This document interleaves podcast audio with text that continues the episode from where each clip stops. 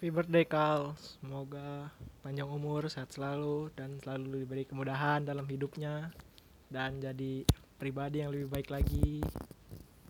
Terus ya itulah. Pokoknya selamat ulang tahun ya.